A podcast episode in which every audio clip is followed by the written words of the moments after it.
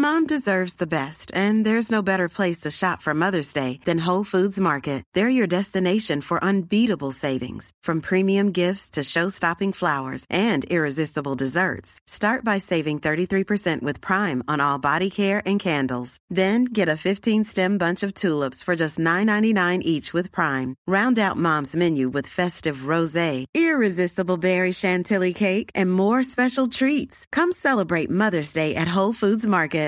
This is Paige, the co-host of Giggly Squad, and I want to tell you about a company that I've been loving, Olive and June. Olive and June gives you everything that you need for a salon quality manicure in one box. And if you break it down, it really comes out to $2 a manicure, which is absolutely insane. It's also so easy to get salon worthy nails at home with Olive and June. The difference between how your nails used to look when you did them yourself and now with the Manny system is a complete game changer. The best thing about Olive and June too is it's a quick dry. Dries in about one minute, lasts for five days, and full coverage in up to one to two coats. Visit oliveandjune.com slash perfectmani20 for 20% off your first system. That's oliveandjune.com slash perfectmani20 for 20% off your first system. There's never been a faster or easier way to start your weight loss journey than with PlushCare. PlushCare accepts most insurance plans and gives you online access to board-certified physicians who can prescribe FDA-approved weight loss medications like Wigovi and Zepbound for those who qualify. Take charge of your health and speak with a board-certified physician about a weight loss plan that's right for you. Get started today at plushcare.com slash weight loss. That's plushcare.com slash weight loss. plushcare.com slash weight loss. A lot of Christians wear crosses around their necks. You think when Jesus comes back, he ever wants to see a fucking cross?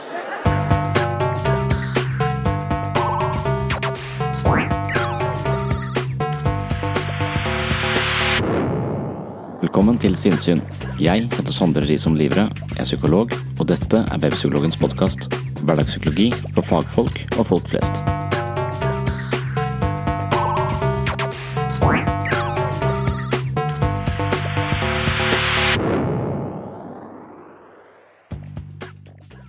Våre opplevelser av oss selv og verden filtreres gjennom et slags psykisk operativsystem som er installert og modifisert i takt med våre tidligere erfaringer.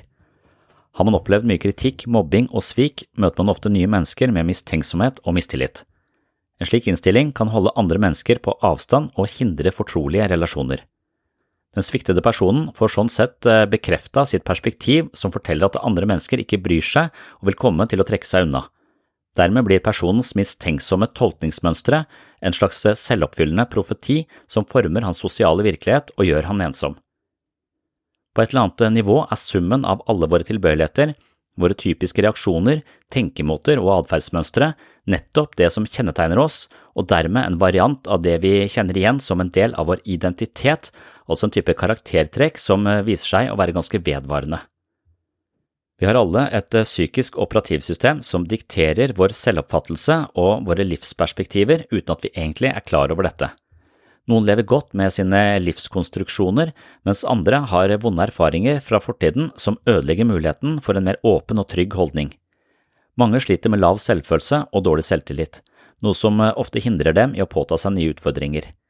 De stiller seg bakerst i køen, lar hensyn til andre komme foran egne behov, og på den måten visker de seg selv gradvis ut av det sosiale landskapet.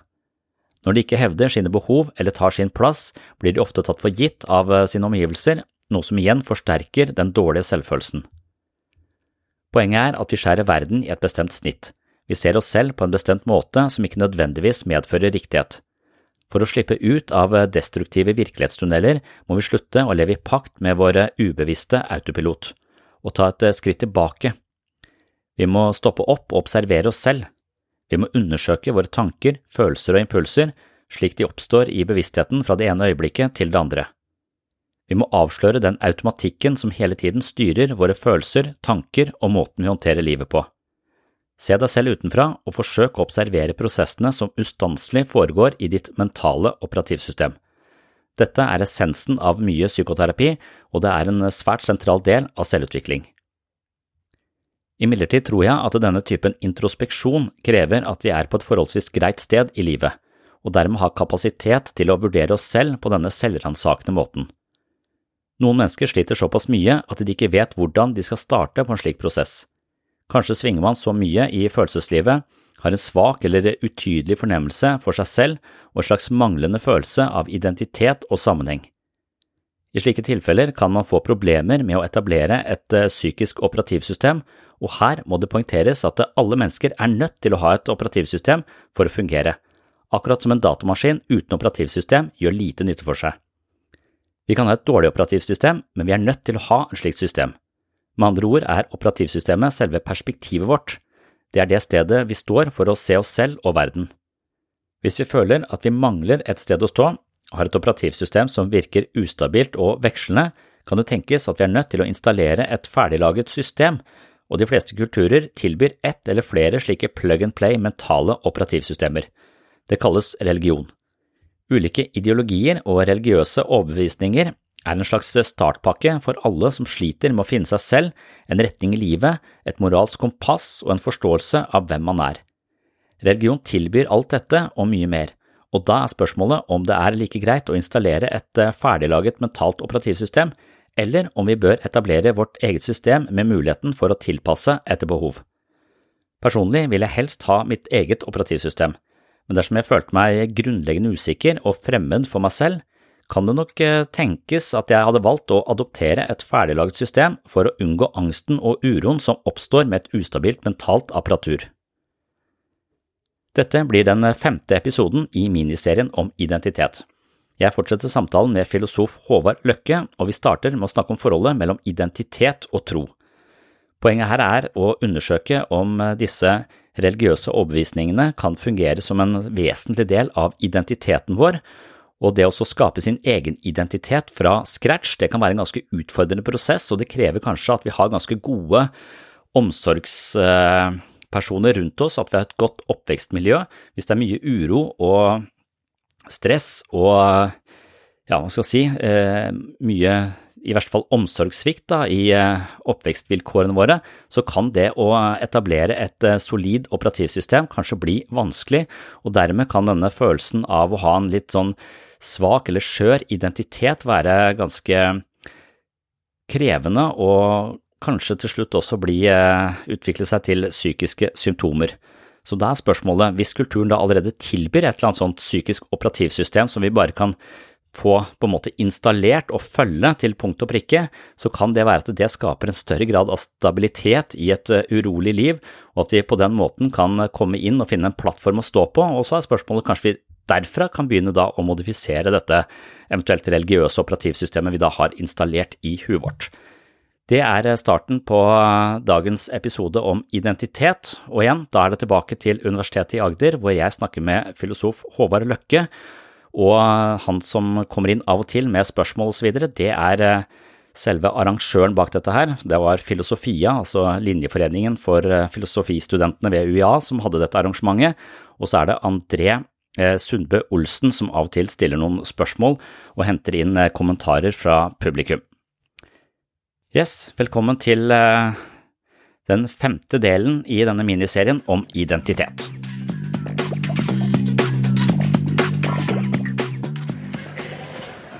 Was the earth created in seven days? No. For those of you who believe it was, um, for you Christians, uh, let me tell you, then you do not understand the Jewish people. We Jews understand that it did not take place in seven days, and that's because we know what we're good at. And what we're really good at is bullshit.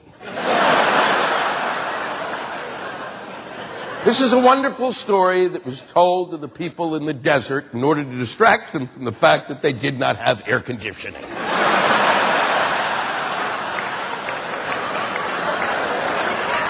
Would love to have the faith to believe that it took place in seven days, but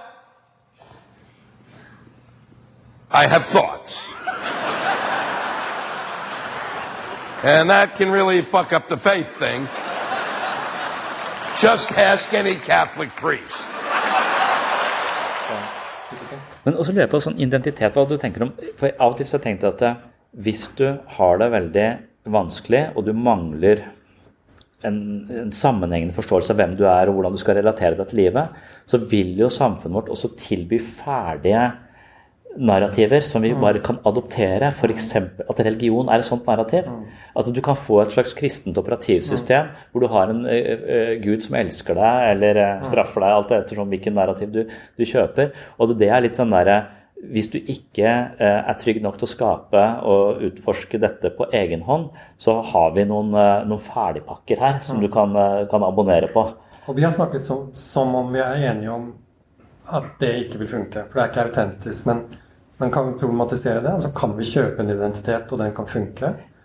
Altså, kan jeg leve mitt liv som La oss si at jeg som 22-åring på en måte treffer et forbilde, sånn som det ofte fungerer. da, mm. Og prøver å leve den personens liv ja. slik jeg har forstått det. Mm. Uten å ta hensyn til liksom, mm. uh, hva jeg selv vil, men prøver å kopiere. Kan det funke? Kan det være et bra liv? Jeg, jeg, føler at det er litt sånn jeg har gjort. altså at Jeg har hatt det helt eh, fint og veldig godt opp igjennom. Men jeg har også i sånn alder av sånn type 18-19 altså hatt noen sånne forbilder som jeg i etterkant ser. For Ken Wilberg er en sånn popfilosof-type eh, som som jeg skjønte trodde på reinkarnasjon etter hvert. Altså, men, men jeg, jeg, var så dypt og inderlig fascinert, leste alt og var liksom fulgte, så, så, jeg ble nesten han, på en måte. Traff du han, eller? Nei, jeg traff han aldri. Uh, han er ganske syk, så han, han var liksom uh, på A. Jeg tror ikke han er død. Uh, men sånn, in, ja, så, så, jeg er litt usikker på Han ligger litt sånn ja, Han er ikke i sjamanland, men det er ikke så langt unna. Det er litt sånn, så, så det, det, har betydd så mye for meg. Men, men, han har også lært meg så mye, så, jeg har ikke Jeg har aldri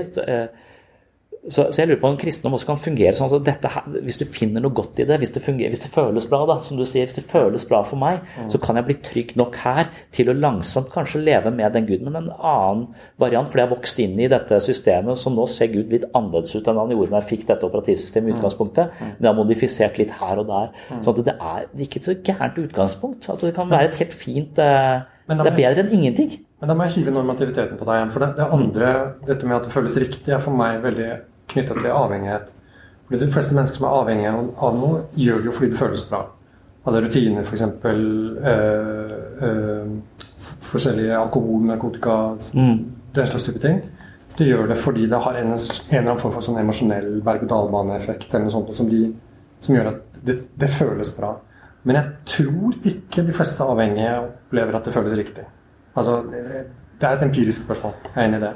Men, men, jeg kan tenke meg at eh, de fleste av de som da går inn for type liv som er um, basert på rutiner, avhengighet, stimuli uh, Og det kan være en kjøpt identitet, om du vil. Altså uh, en overtatt identitet. En kopiidentitet, kan vi kalle det det. Mm. Um, spørsmålet er vel egentlig om det kan føles helt riktig. Det, det, det tror jeg er det. Og det, det, er dette med om du kan se deg i speilet og se Hva het han? Velberg? Ken Wilberg, ja. Wilberg. Mm. Om du ser deg i speilet og ser Wilberg og så, og, For du, du, har jo ikke hans ansikt, på en måte. Uh, da er det, det, er på en måte noe i din historie kanskje som føles feil, fordi den ikke helt er din. altså Normativt feil. da. Ja. At det er ikke helt riktig å leve en annens liv. Kopiere en annens liv. Nei, men jeg lurer på om det er ikke Hvis du kopierer det, så blir det Men, hvis du tar den KOUT-ideen inn der, så ser man at vi har, vi har et tripolart selv. Det er et idealiserende selv. Mm. Eh, og, og, det tvillingsøkende selv. altså Jeg trenger å føle meg litt lik andre. Jeg trenger å føle meg som del av en gruppe. Eh, ha en tilhørighet, ha en flokk, er, er, er veldig viktig. Eh, og så har du det grandiose selve, som du trenger å bli anerkjent og beundra, sånn at du får en type selvtillit og mm. selvfølelse. Men, men, det idealiserende selve, det tror jeg handler litt om forbilder. At du, du går i skoa til noen andre et stykke på veien. Ja. Og selv om de ikke skoa ikke passer deg helt, så går du kanskje til litt. Og så, og så på et eller annet tidspunkt så stopper du og tenker at eh, nå takker jeg for turen, og, så, men, og, jeg tar med meg alt det jeg har lært på denne stien, men så går jeg eh, litt ut denne, denne, denne, veien. Det er sånn jeg føler med, med Ken Wilberg, at han, han har vært en, en enorm påvirkning på meg. Fra, men, og, og, sånn dyp takknemlighet for det. Mm. Selv om han ikke følger meg like tett nå som han har, eh, har gjort. Nei, Jeg, jeg syns det er veldig interessant, fordi jeg tror at den, det, det, tidsaspektet vi kommer inn på, det er framtiden. Altså identitet om hva som kan skje. Ja. Fordi uh, de forbildene som jeg også har forsøkt å leve etter, f.eks. Narcissus Gullmen, Herman Hesse Ja, Herman Hesse. Så, liksom bøker som er lest tidlig, og så Og så, og så drømmer man seg inn i den verden, og så skjønner man etter hvert litt mer om hvor det kommer fra. sånt, Med de bildene som det skaper. da. Eh, Det er jo noe som skaper si, nye rom, nye landskaper, som du egentlig ikke har fysisk erfart. Mm. Men som er drømt, fantasert, og som gir livsmuligheter. Så eh, de er som regel ganske sunne greier. Altså forbildene Ofte så er det vel den beste måten å gå i gang med et liv på, å si at jeg vil bli sånn. Ja. Ja. Jeg vet ikke hva jeg skal gjøre, men jeg vil bli sånn som han. Mm. Det, det, det Ja. funker jo som regel ganske bra, da. ja. Uh, Men det forutsetter tryggheten til å For, for hvis ikke du har tryggheten, så, så er du bare 'Jeg ønsker å være trygg'. Så du, har ikke noe, du har ja, ikke noe du har ikke noe overskudd til å bli noe annet enn Mm. å sørge for trygghet. Eh, Så på alarmberedskap så tror jeg den type nysgjerrighet og utvikling kompromitteres. Men så, jeg husker steppeulven på en busstur fra Danmark til Praha. på en måte. Ja. Så, så bare, den, bare du nevner Herman Hesse, så, så blir jeg liksom sånn Gjennom skogene der, ja. ja, jeg, jeg for helt sånn eh, Jeg husker det så godt og hvor fascinerende og Ja. Og, og, og, men fordi jeg var trygg i bånn, da. Eh, Tror du, så har jeg litt sprengende tanker, da. Mm. men eh, tror du det er en forbindelse mellom det å være trygg og ikke være grandios? Altså, Det grandiose selve vil jo ikke kunne si at 'jeg vil bli som han', for det vil være ydmykende. ikke sant? Jeg, Mm. det grandiose selve har dette, men jeg vil, jeg vil være helt annerledes enn alle. Jeg er unik. som skal bli Mm. større. Så, men det å identifisere med så 'jeg vil bli som han', er jo noe som ser ut til å komme i konflikt med den grandiositeten. Eh, Eller tar feil? ja. Ja, Det grandiose selve har Hvis du ser på det et glass, det har et behov for påfyll. Du, har en, du må ha en følelse at du er storarta fantastisk. Og det skal gjerne foreldrene dine synes om deg. Eh, Så hvis du fyller opp det, så, så vil du ha en følelse av at jeg er fantastisk. Og det er en ganske Det er en, kanskje en sunn narsissisme. For det er, eh, det, er, det er ikke at jeg Den usunne narsissismen er jo mangel i det, eh, i det glasset og det påfyllet, så du går rundt og må bli president for å prøve å fylle det opp. Og så, og så, og så hjelper ikke det heller. Så uansett hvor mye anerkjennelse du får, så blir det aldri, aldri nok. For du fikk det ikke der du egentlig trengte det. Du lever et liv på jakt etter den anerkjennelsen. Så du lever alltid på en viss grad av underskudd. Det tror jeg er den usunne narsissismen. Men den, denne, disse, alle disse plakatene som det er kjent for at you can be, you are great, og alt den der positive psykologien som kanskje USA er på, eller mer utbredt da. Men barna mine, gikk på skole i England, der var det ganske mye av det. You're great, you're unique, og de har disse der posters som er sånn på, i klasserommet og sånn. Og i Norge så er vi jo mer sånn fellesskapskultur og likhetskultur og sånn, så det er ikke slått så mye gjennom. Men jeg syns kanskje det går litt langt. At man liksom forteller barn som du er unik og uh, Det går jo litt sånn, syns jeg, da, på bekostning kanskje av utviklingen av Ja, men jeg er også her, type, type ting. Jeg er også til stede. Jeg Ja, det, er derfor, det er derfor at for de eh, voksne, sånne gammeldagse Ja, men det er nok derfor uh, KUT sier at det er en balanse i dette, dette tripolare selvet som konstituerer den, eh, den, den beste livsførselen. Da. At du, du har en viss grad av ydmykhet, for du har et forbilde som du ser opp til og tenker at det, du er fantastisk, men jeg følger etter deg, så da gjør det meg litt fantastisk også, på en måte. Og så får du en anerkjennelse fra det forbildet om at du, ja, jeg syns du gjør det bra, og så fyller det opp der. Og så, og så har du denne følelsen av å være i en flokk som også er veldig, veldig avgjørende for liksom, Når du har barn, så vet du at det også kle seg likt, være lik, følge det, følge, ikke sant? De skal være like. Så det blir veldig viktig å være, ha, ha tilhørighet. Så, at det også, så hvis du har en sunn utvikling i alle de, på de områdene, så vil du, vil du ha en balanse. Og en balanse i et ego vil jo eh, Da vil kanskje du komme høyt opp i Maslows behovshierarki hvor du ikke trenger så mye, men har heller mer å gi. Og det er der nysgjerrigheten og utviklingen selvrealiseringen, blir et, en mulighet i det hele tatt. Men i underskuddet så er det hele tiden jeg mangler et eller annet. Så, som jeg må karre til meg, ofte i konkurranse med omgivelsene eh, mine. Og jeg tror nok Det er det individualistiske samfunnets liksom, verste. Det at vi hele tiden måles og veies og, og får forståelse for at vi er i, egentlig i en slags konkurranse med, med medmenneskene våre. altså Hvilken karakter du får på prøve, det avgjør om jeg får den studieplassen eller ikke den studieplassen, får den jobben eller ikke. det. Så at vi hele tiden eh, måles og veies og vurderes på sånne, på sånne måter. Og det blir stadig en stadig sterkere kamp da, om de, de plassene som er. at det Og den ungdomskulturen har jo pga. sosiale medier flytta seg veldig langt ned i alder. Mm. Det syns jeg er veldig skummelt. Ja. Så det er veldig mange utfordringer som jeg møtte med min første, mine første barn, som nå er midten av 20-årene, som vokste opp på en måte før de sosiale medier preget dem. Det var mer sånn eh, to ganger i uka type ting. Altså ikke sånn telefonen hele tiden. Men nå opplever jeg at problemstillinger som tidligere barn møtte når de var 14-15, og kanskje var bedre rusta til å møte, kommer fryktelig tidlig. Eh, blant annet den konkurranseelementet, Ja. eh, som er så fryktelig mye mer dramatisk når du er 8-9. Ja. Eh, så det syns jeg er en sånn skummel ting med at altså, at eh, altså ungdomskulturen har på en måte flytta seg nedover i alder med, med de utfordringene som det gir for de, for de små. Altså. Ja. Jeg lurer egentlig bare på om dere syns det er gøy. Uh, og hvor lenge dere tenker det. Altså, det har lyst til å holde ikke på det er gøy, skjønner jeg. Det er gøy. Ja, ja. Jeg trives veldig godt, ja. Så bra. Mm. Jeg trives også veldig godt. Skulle godt tenke meg noe å drikke. Ja. Så jeg har noe sånn eh, Eh, Vann, eller? Brus, vann. Ja. Brus? Uh, veldig gjerne vann.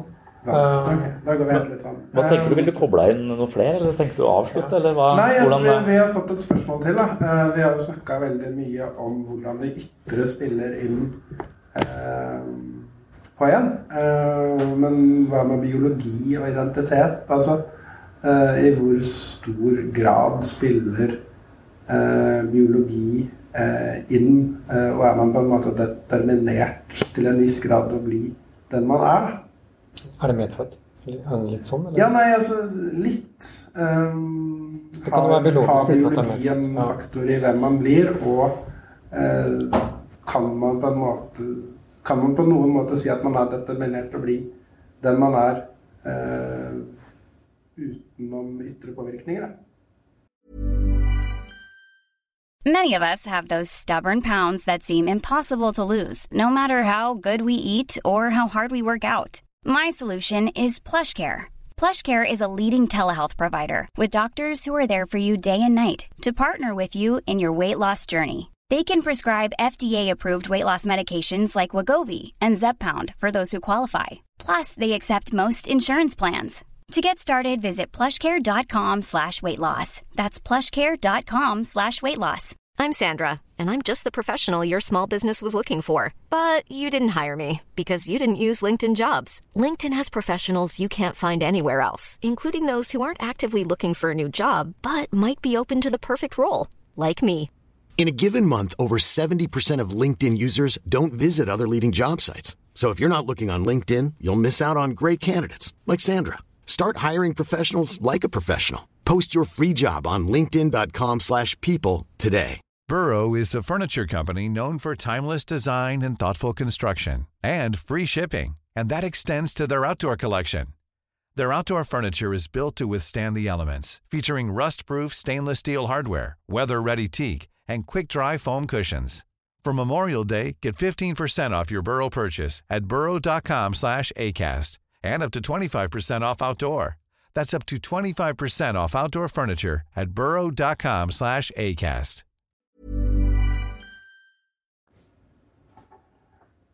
Jeg jeg, har et, jeg har et innspill på det som jeg er veldig nysgjerrig på å sjekke med deg. Ja, Jeg lurer på, ja, er litt forsiktig. Hun Harry Potter-dama er litt ute å kjøre nå. På sånn, okay. uh, ja, hun har, Hun Rawlings? ja, på grunn av at hun mener at det er forskjell på menn og kvinner. Uh, Biologisk. ja, Ja. Uh, ja, nei, hva tenkte du på? Eh, på det? Ja. Eh, Det er også et veldig spennende tema. ja, det er så farefullt tema, føler jeg. Ja. Men vi, vi er jo et godt selskap, altså så vi kan ta det. Ja.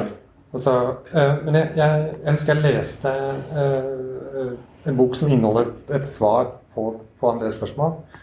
Uh, og det var en sånn, litt sånn standardbok i liksom nyere forskning på det, som jeg tenkte at ok, dette ligger det sikkert noe i.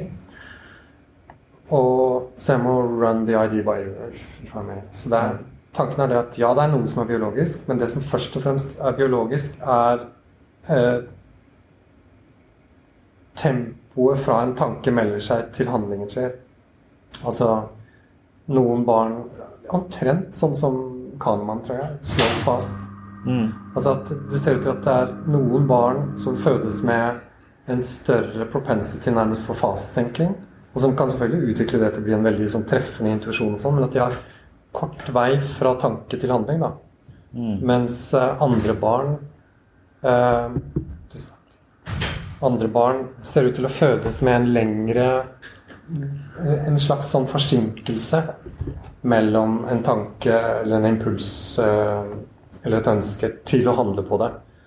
Og konklusjonen i denne boken var å si at that's it, på en måte. Um, og at det er medfødt? At det er medfødt. Ja. Uh, og der er det også en sosial kritikk som, som går på det at um, Panksepp, som jeg tror du refererte til tidligere, har jo vært um, Eller var inne på, har jo vært en, en av de forskerne som har um, trukket forbindelsen mellom si, det som i dag vi vil kalle sosiale medier og ADHD. Mm. Uh, utviklingen av ADHD. Uh, og ADHD er jo kjennetegnet ved, ved, at det er kort tid fra impuls til handling. Uh, kort oppmerksomhetsspenn også. Ja. ja. Og, og, og, stort behov for, for skiftende mm. omstendigheter. Men, men, først og fremst det at det som, det som de kjente igjen, da så så påstanden i denne boken var da at la oss si 15% biologisk sett fra naturens side har um, eh, kort tid fra impuls til handling, og med de utfordringer som det innebærer. Mm. Altså Nå må vi roe oss litt. Dette går bra. Så det er en slags type ting. Og, og en mye større prosent, 40-50 har lang, relativt lang tid, altså som er slow-thinkere fra naturens side. Uh, og påstanden til Panksepp og andre er jo det da at de sosiale omgivelsene gjør nå at eh, den 15 øker en god del. Da. At det er flere som, som Biologisk sett, da, fordi hjernen er plastisk, mm. så er det biologisk sett flere mennesker som vokser opp med eh, kortere tidsrom fra impuls til handling. Altså større grad av impulsivitet og mindre grad av slow thinking og refleksjon. Mm. Jeg søkte, spørsmål, jeg søkte, svar på det spørsmålet André uh, stilte, og så var det eneste jeg fant som ga mening for meg. Uh, det er tre-fire år siden dette. Ja. ja. ja. Jeg, jeg, tenker at det høres uh, fornuftig ut, men altså, akkurat prosentandelen er sikkert sånn vanskelig å vite.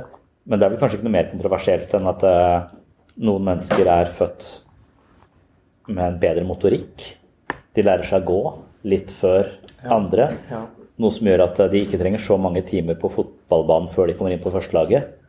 Mens andre, som kanskje er født med utgangspunkt for litt dårligere motorikk, må bruke uh, noen timer mer på banen for mm. å spille seg inn på førstelaget. Men det er ikke nødvendigvis umulig å spille seg inn på førstelaget likevel. Det er bare en litt vei, lengre vei å gå. Mm. Nei, jeg ser det. det er, så, at, så at, det kan, at, det kan, hende at hjernen uh, At den at det ligner litt. Mm. At, eh, men, men Paul Eckman sier at det eneste du skal gjøre med pasientene dine, det er å plassere flere perspektiver mellom impuls og handling. Så det er eh, det, du, det man skal hjelpe folk med. Så da har du et større handlingsrom eh, mellom impulsen og, handlingen. Og det er en sånn, litt sånn simpel måte å se terapi på, men, men det er jo ofte det man eh, det handler om. Å putte noen flere perspektiver, litt mer innsikt i hvorfor man får den impulsen. Eh, og, og, hvordan man skal håndtere den impulsen. Ja, ja. Så, men, men, akkurat det med, med ADHD også, det, det, er sånn intuitivt riktig for meg. at det, det er noe med leste akkurat en del om natur og hvordan naturen påvirker oss. og det også eh, I urbane strøk i USA så er barn i gjennomsnitt ute mellom fire til sju minutter om dagen i noe som defineres som Altså natur, og det kan være en lekepark, men det kan også, eller en, en sånn domestic nature, altså tilrettelagt naturområder. Eh, ja, eller hage, eller, eller noe sånt noe. Og så er det wilderness, som som er skog og utmark. Og de, de tilbringer nesten ingen tid uh, ute i det naturlige, mm. men de tilbringer syv timer foran skjermen. Så fire til sju minutter i naturen, sju timer foran, foran, skjermen. Og det de gjør på den skjermen, der er det jo ganske kloke algoritmer som uh, kan ganske mye om atferdsanalyse og, og, og, vet hvordan du blir hekta he, hele tiden og viser deg hele tiden noe nytt. Så, så jeg vil frykte at man, man, man, altså Det å være i naturen, det tror jeg at man, man eh, en pinne blir til noe. Jeg gjør den pinnen opp til et sverd. Det er en skapende, Du er en produsent av noe. Uh, mens uh, på en skjerm så er det ofte en konsumer. Og da bare tar du ting inn, og så blir du mett og overvektig. For veldig mange av de barna er også overvektige. Så, så eh, det å evne til å skape mening i livet er nok å, å være den der aktive agenten i å skape, uh, skape noe. Og da kunne konsentrere seg om det og stå i det over litt lengre tid. Som, uh, som kanskje blir vanskeligere når vi hele tiden er vant til å bombarderes og, og ha så, men, men jeg lurer på om det spørsmålet også gikk på den biologien vår, hvordan vi, hvordan vi føler altså hvem, hvem er jeg eh, i forhold til hva sier kroppen min at jeg er? Og jeg har møtt flere mennesker som Jeg har møtt noen sånne mennesker som har eh, født i Altså som har hatt sånne kjønnskorrigerende operasjoner. Ja. Hvor veldig mye har falt på plass. da, for at de, Noen jenter som jeg kan ha møtt, har hatt alvorlig anoreksi. Mens de ikke har hatt noe sånne, veldig sånn, de har ikke hatt noen sånne typiske anorektiske tanker, en måte å kontrollere ting på osv. Jeg finner ikke den type person, den, den vanlige psykologien der, men, men, det har vært et slags behov for å stange denne kvinnelige utviklingen. For de er De føler seg eh, som, eh, som et hannkjønn og ikke som hunnkjønn. Så og, og når de da har forstått det, så har de begynt å spise, og det har ikke vært noe problem. Altså, de har liksom funnet og de, og de så, så, så jeg, noen ganger så har jeg sett at kropp og kjønn spiller en stor rolle på uh, hvor stor sammenheng det er mellom den identiteten din og det du Mm. Den kroppen du, du, bor i, eller den kroppen du er. Mm. Jeg, jeg, lurer litt på sånn, sånn rent sånn opplevelsesmessig dette med uh, Har du snakket med de jentene om hvordan, hvordan de hvordan de kunne kjenne igjen følelsen av å være fremmed i kroppen sin. Hvordan de vil beskrive den og sånn. At de um, Oppdagelsen av det og, og, og så altså, altså, hvordan føles det å være i feil kropp, sånn kjønnsmessig?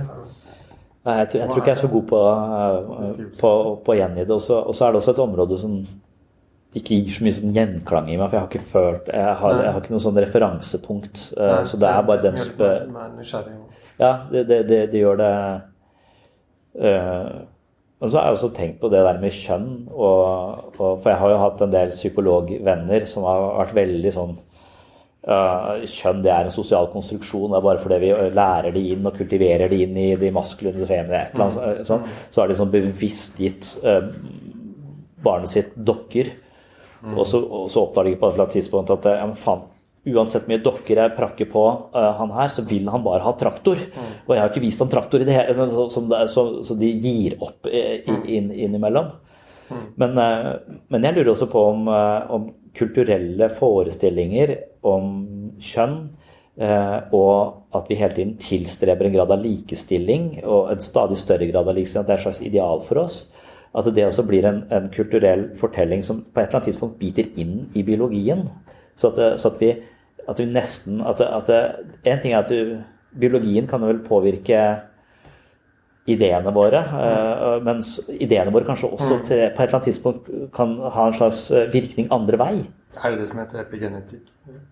Jeg, vet ikke, men, men det, det, organiserer og konstituerer på ulike nivåer. Så, så, hvem jeg er her nede, det kommer til å gjøre en forskjell her oppe. Men hvordan jeg oppfører meg her oppe, kommer også til å gjøre en forskjell eh, nedover i så, så, jeg lurer på om, om jeg kanskje syns um, at uh, forskjellen på guttene og jentene i klassen til uh, min datter er litt mindre enn jeg opplevde at forskjellen var når jeg gikk på skolen. For, eller det vet jeg ikke, det er helt anekdotisk, men Ja, men jeg tror altså Det er jo en av de frigjø... altså det som er frigjørende for oss voksne i det, ja. er at du ikke er redd for å være feminin, f.eks. Ja. Sånn som det var før. da. Mm. Og det tror jeg faren min vokste veldig med. altså liksom Frykt for alt som Han, drak, har alltid drukket te sånn, f.eks. Ja. Så har moren min gjort sånn. Å ja. Men jeg får lov. du får lov, ja. ja. Så sitter med kaffen sånn. Liksom. Ja. Det er feminint. Og Mm. så, så, frykten for feminine trekk i håndbevegelser og måter å være på sånn, er jo har dempa seg. Takk Mm. og pris. Hva tenker dere om dette, egentlig? Sånn, det der tematikken biologi, identitet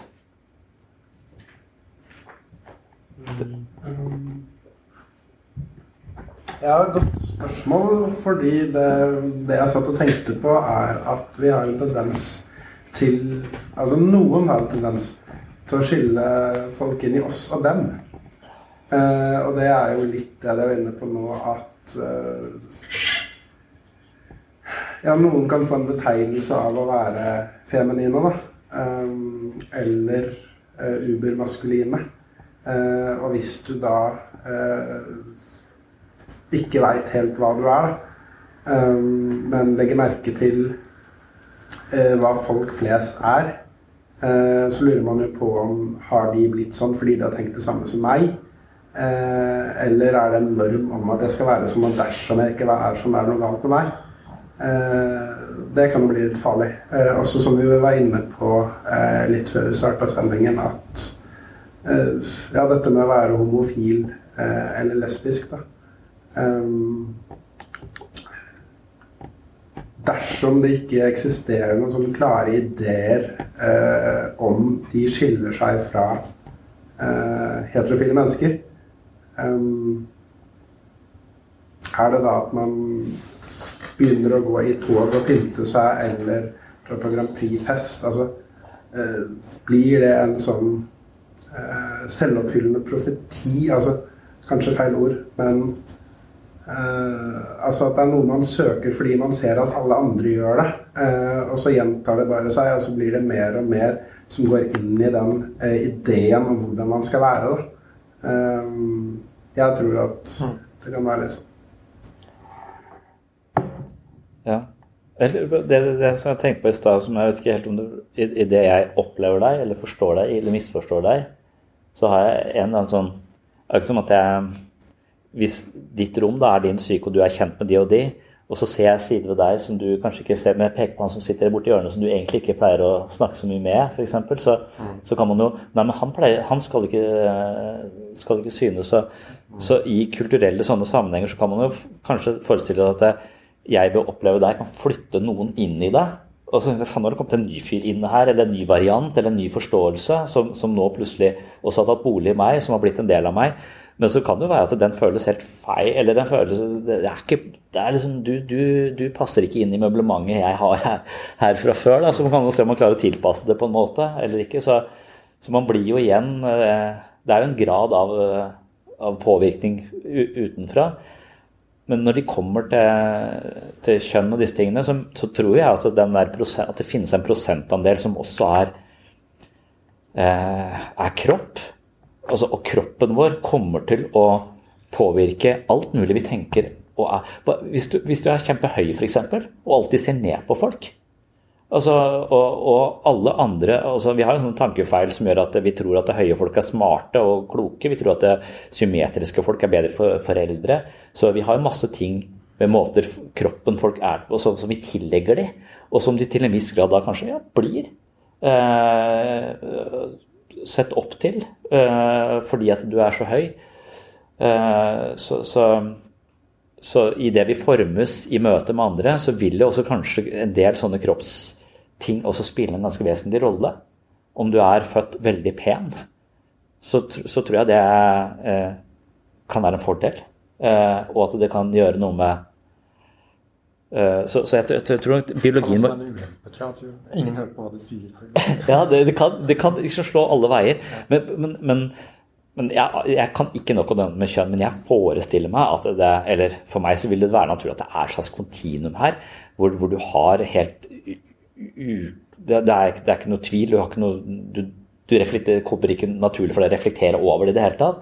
Og så er det kanskje en slags cutoff her hvor det, hvor det, begynner å nærme seg et sånn grenseskille hvor du kan kjenne på begge deler. Eh, med, hvis vi sier maskuline og feminine krefter, og ut ifra at maskuline og feminine krefter bor i alle mennesker, så kan du ha en overvekt av det ene og det andre. altså De har forskjellige Det feminine er ofte forbundet med type kaos, egentlig, og, og, relasjon og nærhet. Men altså, det oppstår nye ting. altså Maskulin er mer sånn regelrett og ordentlig og konkret. og det, De kreftene bor litt forskjellig i ulike mennesker.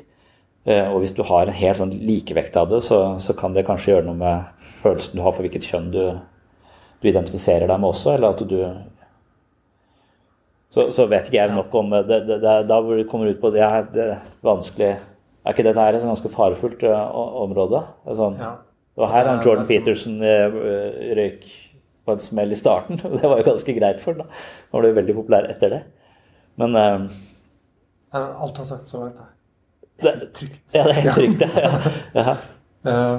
men um, eh, hvis vi tenker på en av verdiene på det å kjenne noen godt, altså være i en relasjon etter at den blir smertefull og ubehagelig, og nære venner og partner og sånn, så er det jo bl.a. det å se den der kjønnsanomalien borti hjørnet der, da, mm. og godta den. Ja. For du har ikke turt å vise den til noen andre, ikke sant? Nei. Men kanskje det er en måte du går på på søndag morgen som, som du alltid har vært flau over eh, Mm. uh, før du tar på deg morgenkåpa, og så, så ser kjæresten din og syns den er fin.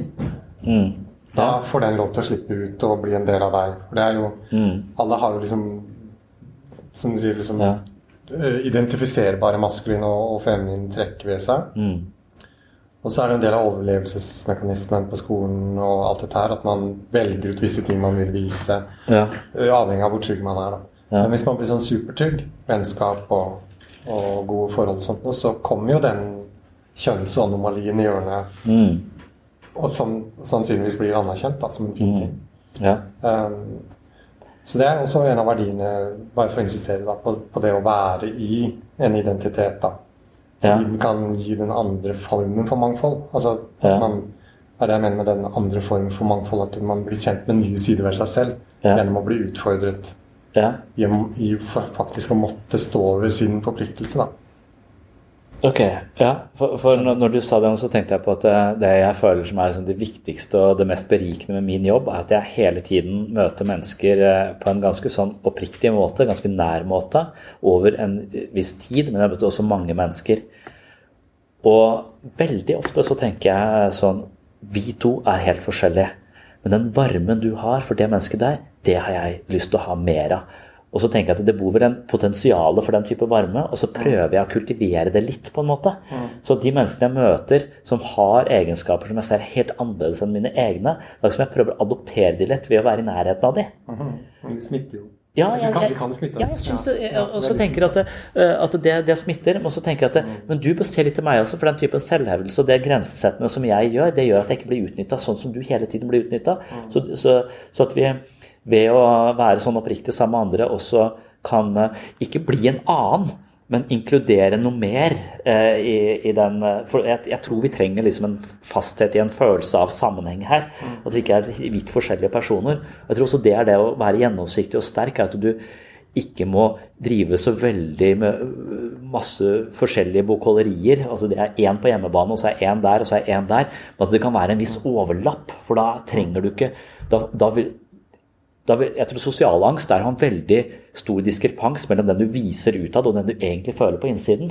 Og Da vil du hele tiden måtte prestere eller være noe i disse settingene du er i, og da blir det anstrengende å være sammen. Men hvis du klarer å koble den du egentlig er, litt mer til den sosiale varianten av deg selv, så kan du liksom gå litt mer med senka skuldre. Du går ikke så Ja.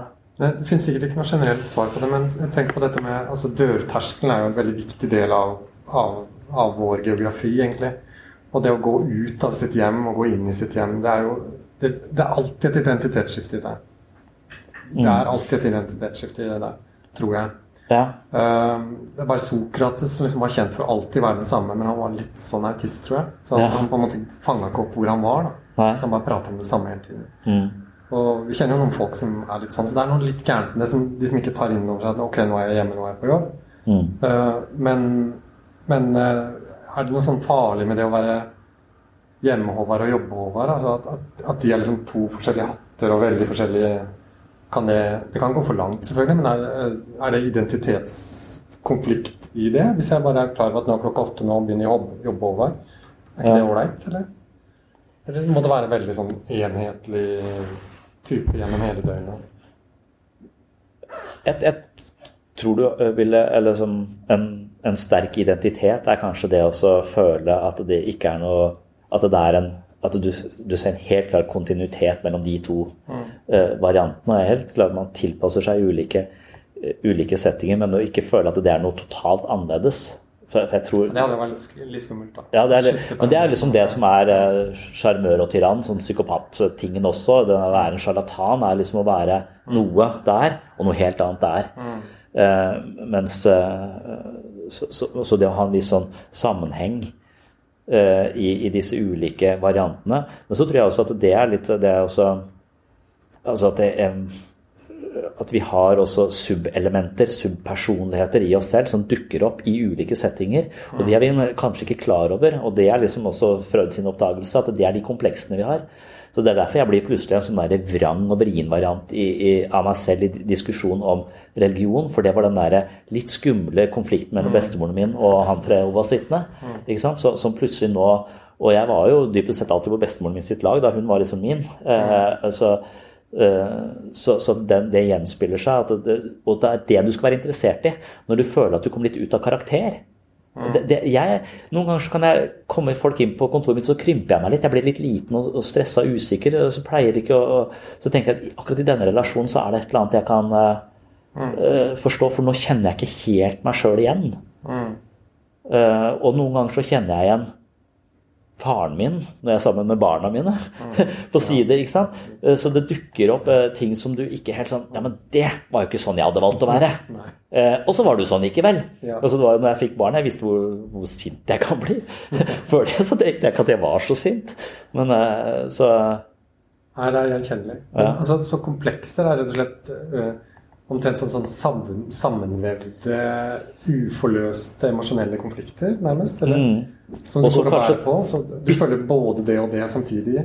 Mm. Eh, er det det som gjør at det er komplekst i Freuds forstand? At det ja. er rett og slett komplekst? Mm. Altså det ja, vevet seg sammen? Da. Og motstrid og uavklart. Det fikk ja. liksom ikke noe, noe, noe, forløsning, det ble ikke noe forsoning. Mm. Eh.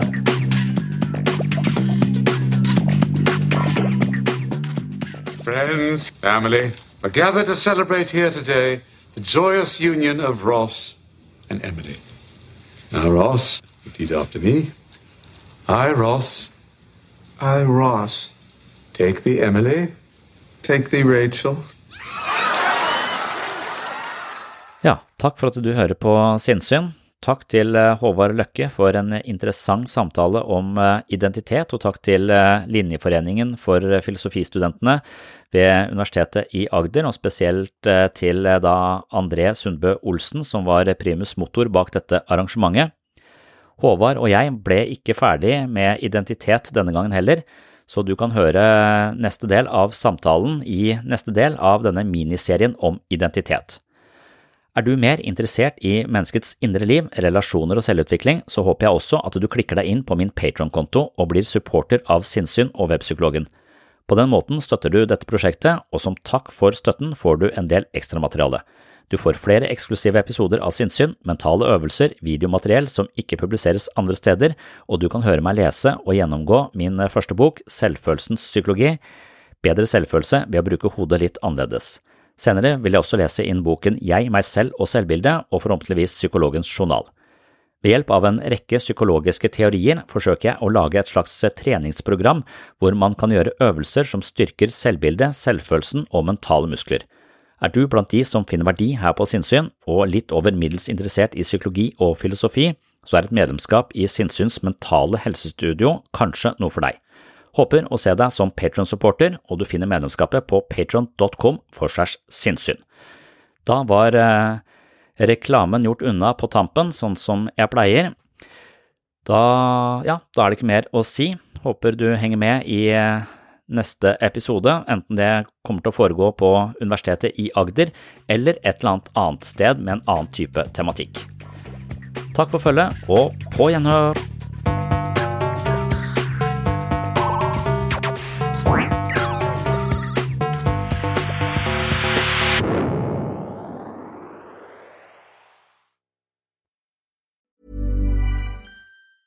Hi, I'm Daniel, founder of Pretty Litter. Did you know cats tend to hide symptoms of sickness and pain? I learned this the hard way after losing my cat, Gingy. So I created Pretty Litter, a health monitoring litter that helps detect early signs of illness by changing colors, saving you money and potentially your cat's life. Pretty Litter is veterinarian developed, and it's the easiest way to keep tabs on your fur baby's health right at home. Go to prettylitter.com and use code ACAST for 20% off your first order and a free cat toy. Terms and conditions apply. See site for details. Here's a cool fact a crocodile can't stick out its tongue. Another cool fact you can get short term health insurance for a month or just under a year in some states. United Healthcare short term insurance plans are designed for people who are between jobs, coming off their parents' plan, or turning a side hustle into a full time gig. Underwritten by Golden Rule Insurance Company, they offer flexible, budget friendly coverage with access to a nationwide network of doctors and hospitals. Get more cool facts about United Healthcare short term plans at uh1.com. Planning for your next trip? Elevate your travel style with Quince. Quince has all the jet setting essentials you'll want for your next getaway, like European linen, premium luggage options, buttery soft Italian leather bags, and so much more. And is all priced at 50 to 80% less than similar brands. Plus, Quince only works with factories that use safe and ethical manufacturing practices. Pack your bags with high-quality essentials you'll be wearing for vacations to come with Quince. Go to quince.com/pack for free shipping and 365-day returns.